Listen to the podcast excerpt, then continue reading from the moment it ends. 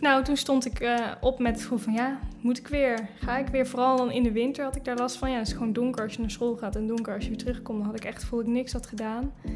Ja, en dan, dan sta je echt op met, oh, gaan we weer. Hoogsensitiviteit bestaat. Dat is de overtuiging van René. Al jaren kampt ze met lusteloosheid en huilbuien. Ze vertelt over haar eigenzinnige zoektocht naar antwoorden en steun.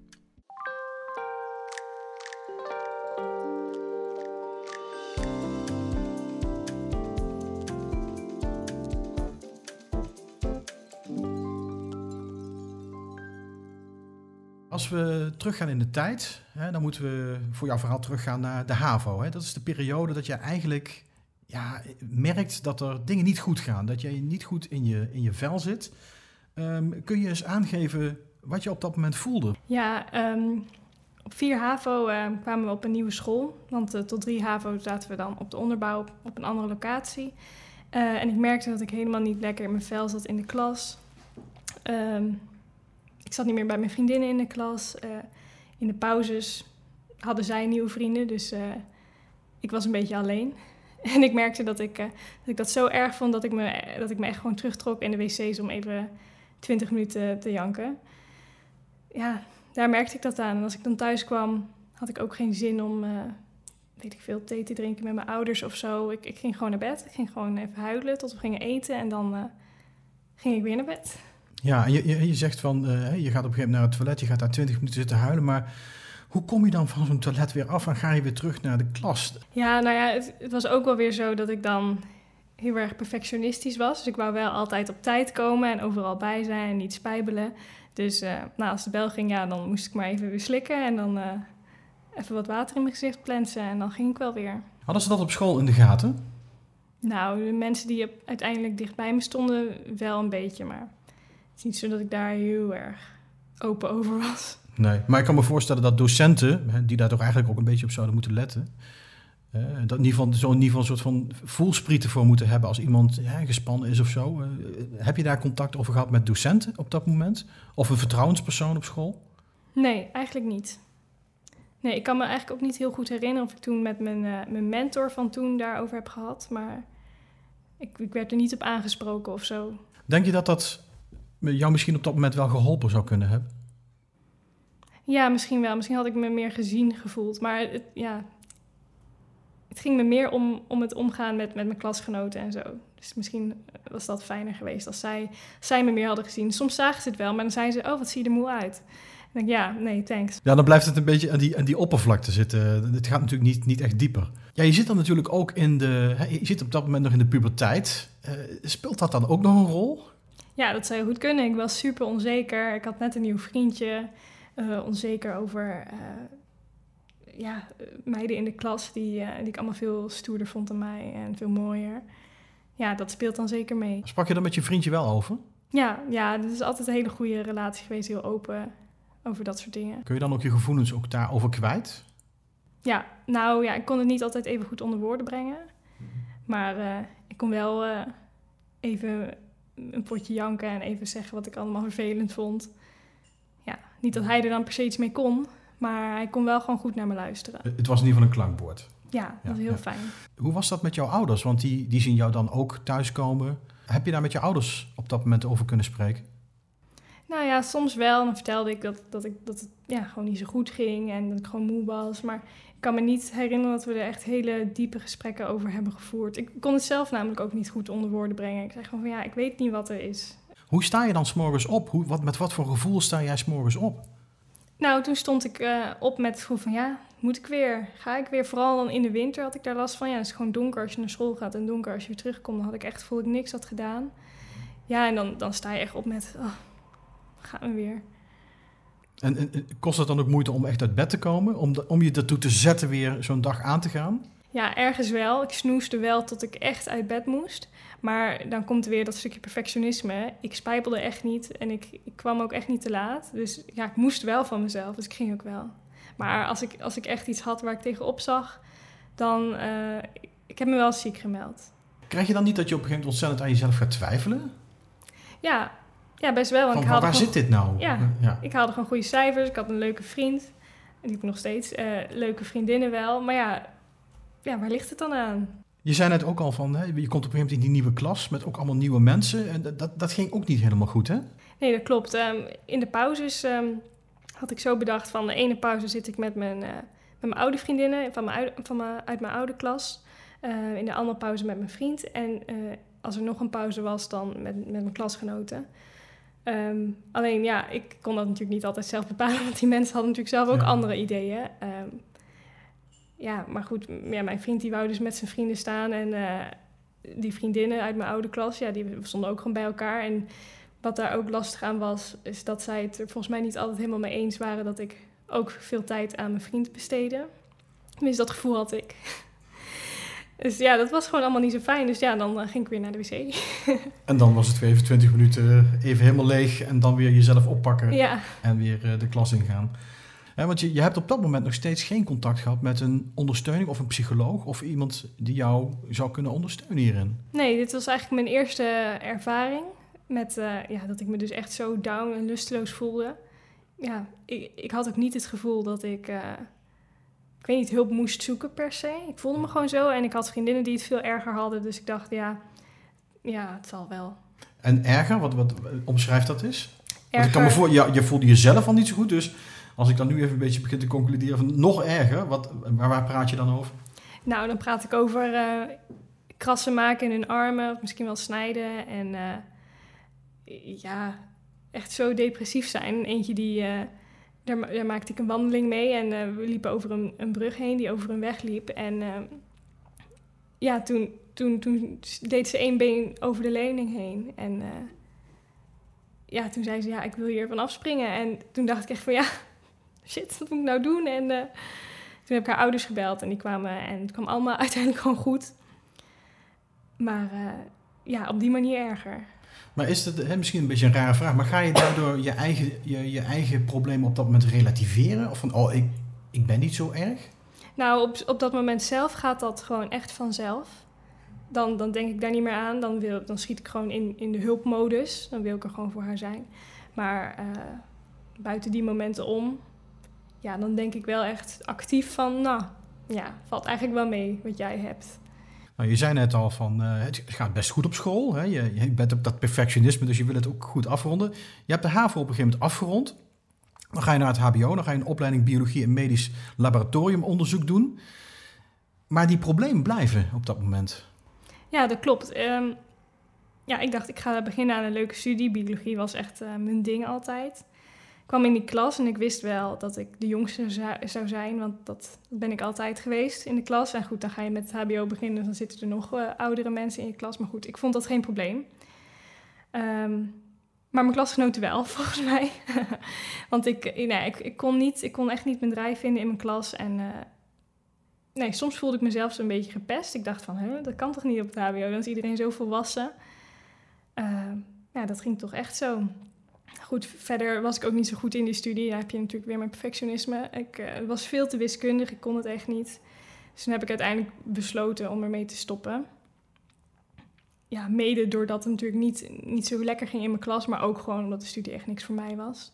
Maar goed, als mijn klas leuk was geweest, had ik misschien wel dat jaar afgemaakt. Maar je vertelt over je perfectionisme. Ehm, eh, omdat je nu hier niet echt op je plaats zit en je krijgt het gevoel dat je niet op je plaats zit, versterkte dat jouw gevoelens ook, die nare gevoelens? Ja, ik denk het wel, want ik, eh, ja, omdat ik dus zo perfectionistisch was en ben, ja, dan wil je gewoon dat het goed gaat, dat je alles begrijpt, dat je mee kan komen met de klas. Ja, ja als dat niet kan, dan word ik daar toch wel onzeker van. Dan ga je eh, een nieuwe studie doen. Je gaat eh, diëtetiek doen in Nijmegen. Dan moet je van Deventer naar Nijmegen reizen. Dus ja, een dik uur iedere dag in de trein. Hoe was dat? Ja, ik vond dat wel heftig. Dat was natuurlijk sowieso anders dan eerst. Eerder ging ik gewoon op mijn fietsje. Ehm, nou, nu had je natuurlijk die ochtendspits. Dikke rijen voor die treinen, eh, dringen en eh, niet kunnen zitten. En mensen die in de stiltecoupé gaan praten en, en bellen en dat soort dingen. Ja, dat vond ik wel heftig. Gewoon, ja, dan kwam ik eigenlijk al moe op school aan. Heb je dan op een gegeven moment niet het gevoel dat je toch ondersteuning moet gaan zoeken? Dat je toch hulp moet gaan zoeken? Nou ja, je moet het wel zien als losse periodes. Die eh, op de HAVO, dat was op een gegeven moment ook klaar. toen ik examen ging doen, voelde ik me eigenlijk ook wel weer prima. Toen ik aan, aan BML begon, die laboratoriumopleiding, was ik ook wel weer prima. Alleen ja, naarmate die studie verder ging, niet meer. En toen, toen ik begon aan voeding, ging het ook wel weer goed. En nou goed, ik dacht toen wel van, oké, ik moet hier meer over uit gaan zoeken, want dit is nu de derde keer dat ik me zo voel. Dit, uh, dit ga ik niet heel vaak meer trekken. Um, hoe ben je toen zelf op, uh, op onderzoek uitgegaan? Um, nou, eigenlijk begon dat met uh, mijn lange treinreis inderdaad. Ja, had ik niks te doen. Dan ging ik um, gewoon googlen naar, zeg maar, naar de dingen die ik voelde. Of dat, of dat iets was misschien. Dus ik, ik googelde op lusteloos, geen zin in dingen, dat soort dingen. En toen kwam ik uit op dat het misschien wel depressie zou zijn. Dat geloofde ik niet helemaal, want ik had nog steeds die vriendinnen in mijn hoofd die zichzelf zo'n pijn deden. Ik dacht, nou, dat is het vast niet. Nou, uiteindelijk kwam ik uit op uh, hoogsensitiviteit, dus HSP, hoogsensitief persoon. En dat, dat uh, houdt in dat je niet tegen prikkels kan, of nou ja, niet goed tegen prikkels, dat, dat prikkels um, harder binnenkomen en moeilijker te verwerken zijn. Dus zo'n trein, dat is echt een bron van prikkels. Dus nou, dat verklaarde wel waarom dat mij zoveel energie kostte. En ook ja, nieuwe dingen, nieuwe studie, nieuwe klas. Dat was ook wel een beetje een patroon dat elke keer zo'n depressieve periode begon. Um, bij een nieuwe periode in mijn leven, zeg maar. Dus nou, toen kwam ik er dus achter dat ik misschien wel HSP was. En is dat dan een, een, een openbaringsmoment of is dat heel confronterend? Nee, het was wel een openbaring, want HSP is niet per se uh, iets slechts. Het is niet zoiets van als een depressie of zo. Het is gewoon een, een eigenschap van iemand. En ik weet nog dat ik dat tegen mijn moeder zei. En dat ze zei, oh ja, uh, dat had ik je ook wel kunnen vertellen eigenlijk, nu je het zo zegt. Dan heb je, die, heb je die, die, uh, dat, dat zelfonderzoek gedaan eigenlijk. Je komt er dan achter, oké, okay, HSP is dan uh, wat ik mogelijk heb, tussen aanhalingstekens. Wat is dan de, de, de vervolgstap die je onderneemt?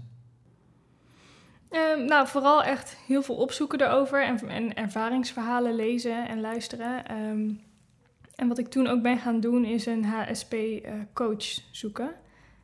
Goed, dat is dus geen psycholoog of wat dan ook. Maar goed, zij, zij was ervaringsdeskundige en ze had ook wel uh, iets van coachingservaring uh, en zo. Goed, dus ik kwam daar en ja, toen, toen, toen zijn we er samen over gaan hebben van wat is HSP, wat is dat voor jou? Um, en, en hoe heb je er last van?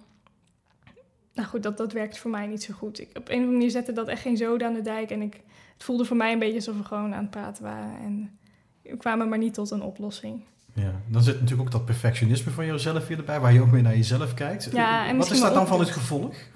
Dat dat niet werkt?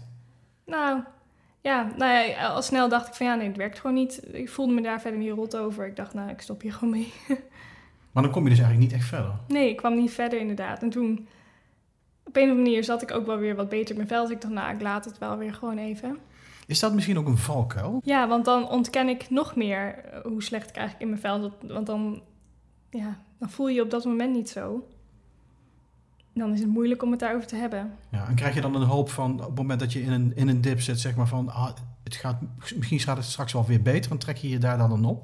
Nee, juist niet. Ik, ik denk elke keer, oh, maar straks gaat het niet meer beter. Straks blijf ik me voor altijd zo voelen. Ja. En dat is natuurlijk weer een hele andere valkuil. Uh. Ja, dus het was, ik kon me daar juist niet aan optrekken eigenlijk. Hoe ging dat verder tijdens die opleiding? Mm, nou ja, we zaten in hele grote klassen met uh, 90 man in het eerste jaar. Dus dat waren drie uh, aaneengeschakelde klaslokalen. Nou goed, dan werd er bijvoorbeeld van ons gevraagd om een uh, artikel te lezen. Nou, dat kan ik dus niet in een, in een klaslokaal met 90 man. Dan, dan hoor je altijd wel groezemoes en iemand die niest, iemand die uh, even iets opzij, iets opzij schrijft. En dat doe ik zelf natuurlijk ook, dus helemaal niet erg. Maar dan kan ik niet de concentratie vinden. Dus ja, dat, dat mondde wel uit in frustratie. En uh, nou, heb ik ook wel bij mijn SLB'er, mijn studieloopbaanbegeleider, aangekaart goed, die, ja, die begreep het wel. Verder konden we er niet zoveel mee.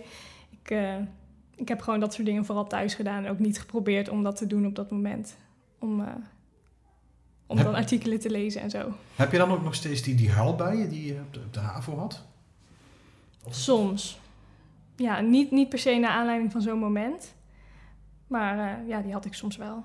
En hoe gaat het dan uiteindelijk? Hè? Want zo'n studie is natuurlijk niet niets. Hoe kom je dan zo'n opleiding door? Nou, ik ben van mezelf wel eh, zelfstandig. Dus ik ging wel naar de lessen waarin echt colleges werden gegeven.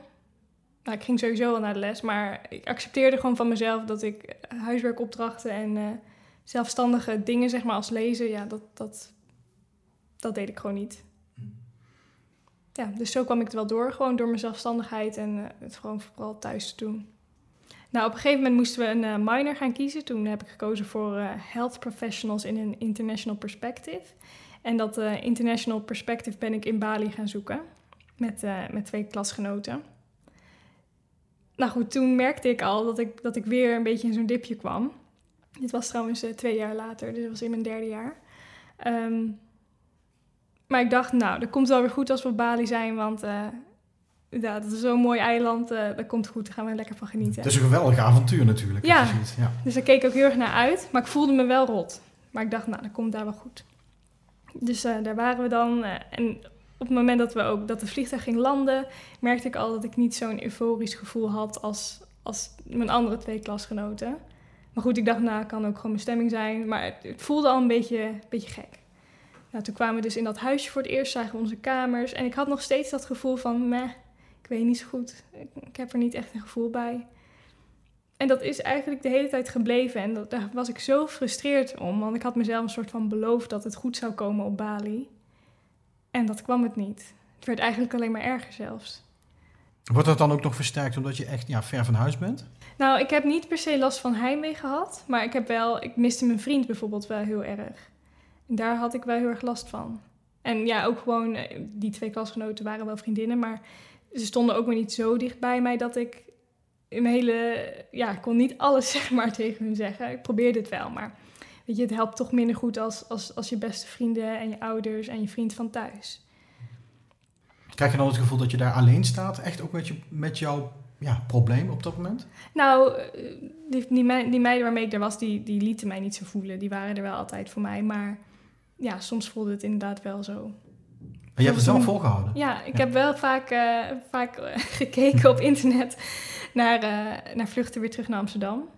Ik dacht van, nou, ik moet echt naar huis. Maar elke keer dacht ik, nee, ik moet gewoon blijven. Het komt allemaal wel weer goed. En voor je het weet is het voorbij. Dus ik ben gewoon gebleven. Ja. Dus en uiteindelijk was het ook echt een mooi avontuur.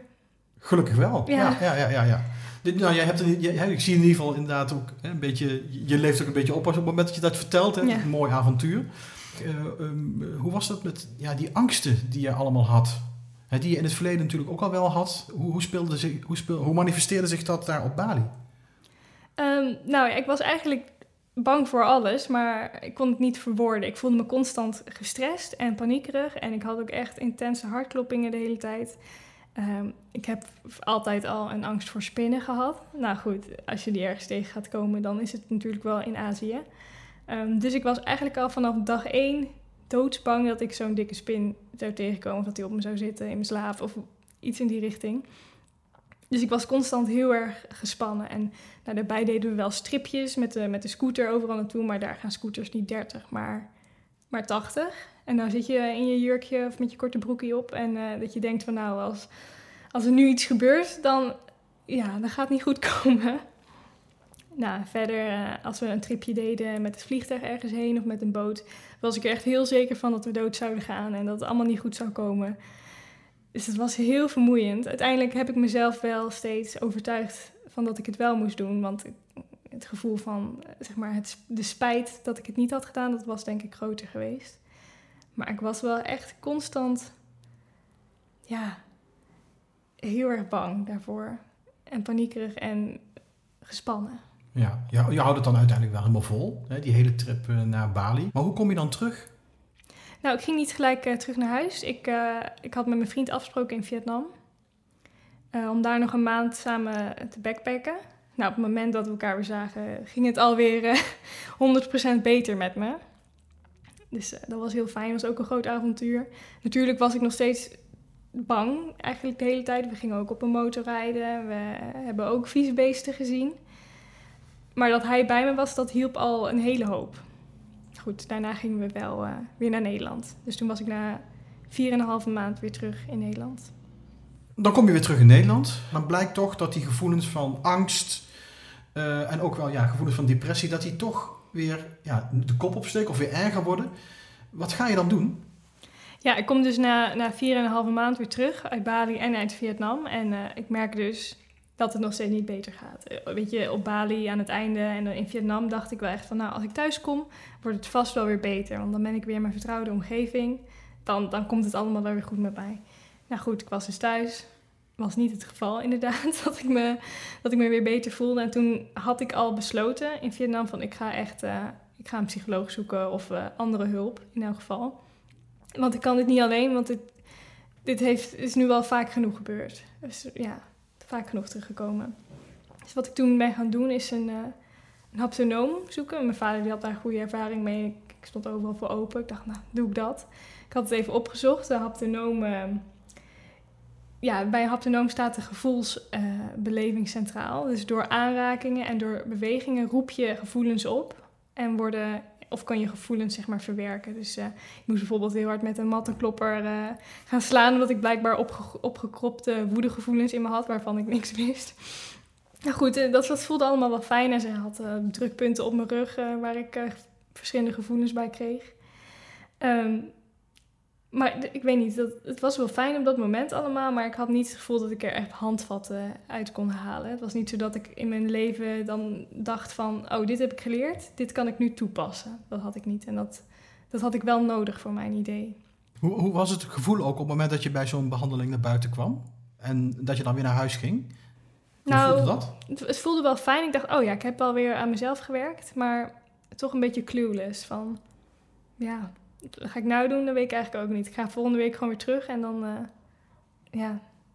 ja. Dus je, je gaat een beetje, je hopt van behandeling naar behandeling in de hoop toch weer iets verder te komen. Ja. Maar daar zit dus een einde aan, blijkbaar. Ja, dat klopt inderdaad. Uh, op een gegeven moment dacht ik, nee, ik moet echt naar een psycholoog. Dus toen heb ik een afspraak gemaakt bij de huisarts en toen een gesprek gehad met de praktijkondersteuner en testjes moeten maken.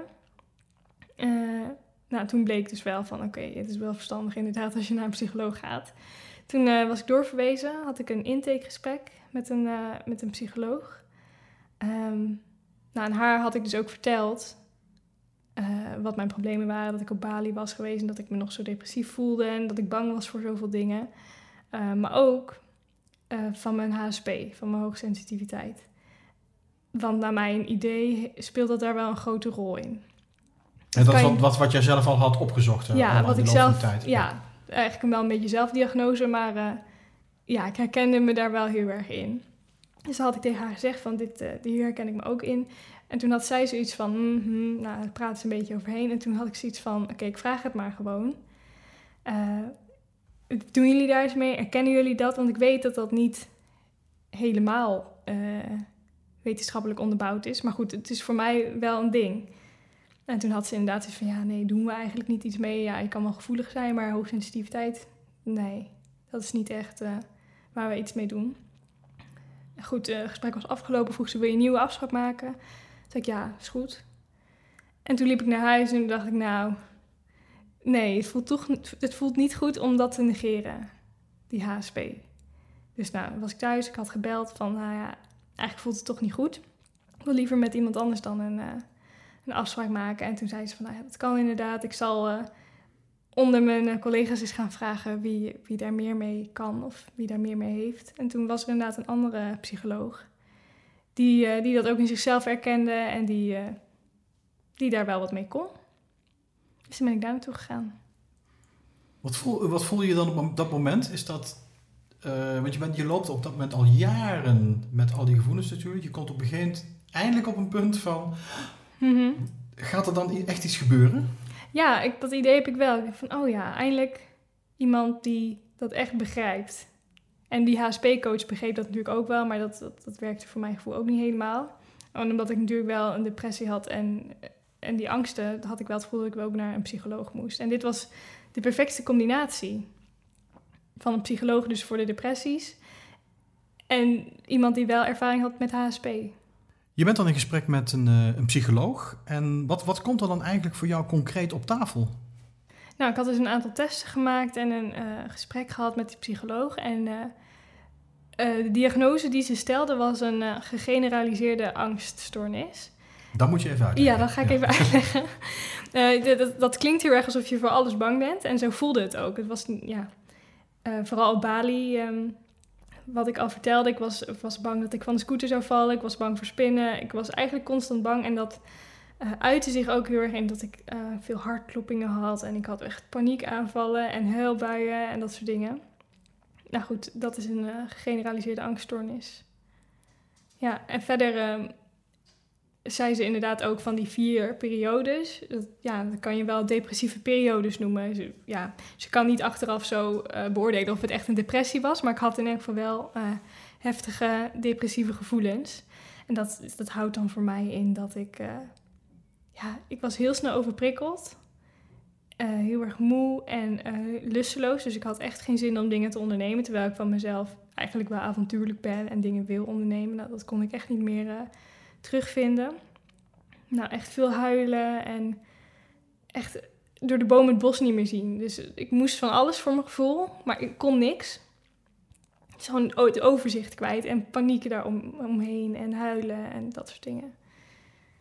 Maar als je heel diep in, in je gevoel zou moeten kijken, van, mhm. kun je, zou je kunnen omschrijven wat dat, hoe dat voelt om inderdaad in die, in zo'n, in die depressiviteit te zitten? Ja, dat, het voelt als een, als een donkere wolk die om je heen zit. En uh, ik voelde dan heel erg de behoefte om ja, in een donkere kamer te zitten met niemand om me heen. En ook gewoon geen licht en geen geluid. En gewoon dat niemand ook zou weten dat ik daar zou zitten. Gewoon helemaal even van de wereld. Maar ben je dan op, ben je op dat moment dan ook met twee verschillende uh, behandelingen bezig, zeg maar? Met, uh, voor HSP en voor, uh, voor depressies? Of viel dat samen? Nee, nee, nee. Zij, HSP, ja, er is niet per se een, een behandeling voor, want het is niet mm -hmm. een ziekte of zo. Maar, meer een constatering? Ja, meer gewoon ja. een kenmerk zo van, ja, ja, alsof je, weet ik veel, sportief bent of niet. Heb ja. ik HSP? Ben ik HSP? Um, dus de, ja, daar wordt gewoon rekening mee gehouden tijdens de behandeling voor depressies en, en angsten. Ja, ja, dat. maar hoe ben je daarmee verder gegaan? Want ja, goed, uh, je, je vertelt HSP is, niet, is geen ziekte of zo. Dat is gewoon een, ja, een kenmerk van jouw persoon. Mm -hmm. Maar het heeft natuurlijk wel zijn gevolgen op jouw functioneren. Of van, hè, wat je wel, wat je, wat, je, wat je niet kunt doen. Hoe ben je daarmee omgaan, uh, vanaf dat moment mee omgegaan? Nou, mijn psycholoog die, uh, die kwam met, het, met de methode ACT. En dat staat dan voor Acceptance and uh, Commitment Therapy. En dat, uh, dat gaat er vooral over dat je met een zachtaardige manier omgaat met je eigen gevoelens. Dus ik was altijd een beetje verontwaardigd en gefrustreerd dat ik me constant zo verdrietig voelde en zo angstig over alles. Zo van, wat ben je nou voor een watje dat je overal bang voor bent, weet je? Maar goed, als je dat dus gaat accepteren, dan, uh, ja, dan, dan verdwijnt dat een beetje. Ik bedoel, de, de angsten verdwijnen niet, maar ja, het is toch een extra last op je schouders dat je ook nog boos bent op jezelf. En als dat verdwijnt, dan, dan, ja, dan is het een stuk lichter. Ja, geeft, het, geeft het ook een stukje zekerheid? Mm, ja, op zich wel. Gewoon meer, ja, het voelt gewoon veel vrijer. Je bent gewoon niet constant boos op jezelf. Je hoeft jezelf niet meer, je hoeft niet meer te oordelen over, je, over jezelf. Het is gewoon zo. Ja, dat is zo. En andere mensen hebben er ook maar gewoon mee te dealen. En ja, dat, dat zal wel. Wat vind je nou belangrijk dat mensen uit een gesprek als dit meenemen? Um, nou, een paar dingen. Namelijk dat uh, eh, HSP wel degelijk een ding is. Dat als je je herkent in de dingen die ik, uh, die ik vertelde, dat, dat, dat je dat eigenlijk wel zou kunnen googlen. Andere dingen zijn bijvoorbeeld ook heel erg gevoelig zijn voor cafeïne. Dat is dus iets lichamelijks. Goed, dan kan je dus ook uh, hoogsensitief zijn. En als je het idee hebt dat je um, um, dat je het gevoel hebt dat je het gevoel van andere mensen overneemt. Of dat je de, de sfeer in de ruimte heel goed kan voelen. Nou, dan, dan zou je eens kunnen kijken of je ook HSP bent en er gewoon wat over kunnen lezen. En verder uh, zou ik mensen wel willen meegeven dat, uh, dat je niet boos moet zijn op jezelf voor gevoelens die je hebt. Als je bijvoorbeeld bang bent of depressief of wat dan ook. Dat dat er gewoon mag zijn. Hoe moeilijk dat ook te accepteren is. Um, dat je daar hulp voor kan gaan zoeken, maar dat het echt niet helpt om jezelf constant de grond in te praten. Dat je gewoon moet denken van, ja, ik voel me nu zo, punt. Ik mag ook even huilen nu, ik mag ook even boos zijn nu, maar daar geen oordeel over hebben. We hadden het er straks over, hè, toen, toen vroeg ik jou van, eh, hoe, hoe, hè, toen je nog op school zat, op de haven zat, van hoe stond je s'morgens op? Hoe zag jouw dag er toen uit? Hoe voel je je nu als je s'morgens je ogen open doet? Eh, dan denk ik alsnog, oh, nog vijf minuutjes. Maar eh, verder, ja, heb ik wel gewoon zin in de dag. Niet altijd hoor, maar eh, ja, en als ik dat niet heb, dan denk ik van, nou ja, even een schop onder mijn eigen kont geven en dan gaan we er gewoon voor. Ja. En als je s'avonds je hoofd op het kussen legt, hoe ga je dan? Nou, dan hoe doe je de ogen dicht? Dan ben ik zo weg. ja, het is niet zo dat ik dan nog ga liggen piekeren of zo. Nee, ja, de dag was gewoon zoals die was. En uh, als hij niet leuk was, nou, dan, dat is dan jammer. Weet je, natuurlijk reflecteer ik wel als ik dingen anders had kunnen doen. Maar het is niet zo dat ik dan boos ga lopen zijn op mezelf. Dankjewel. Dankjewel.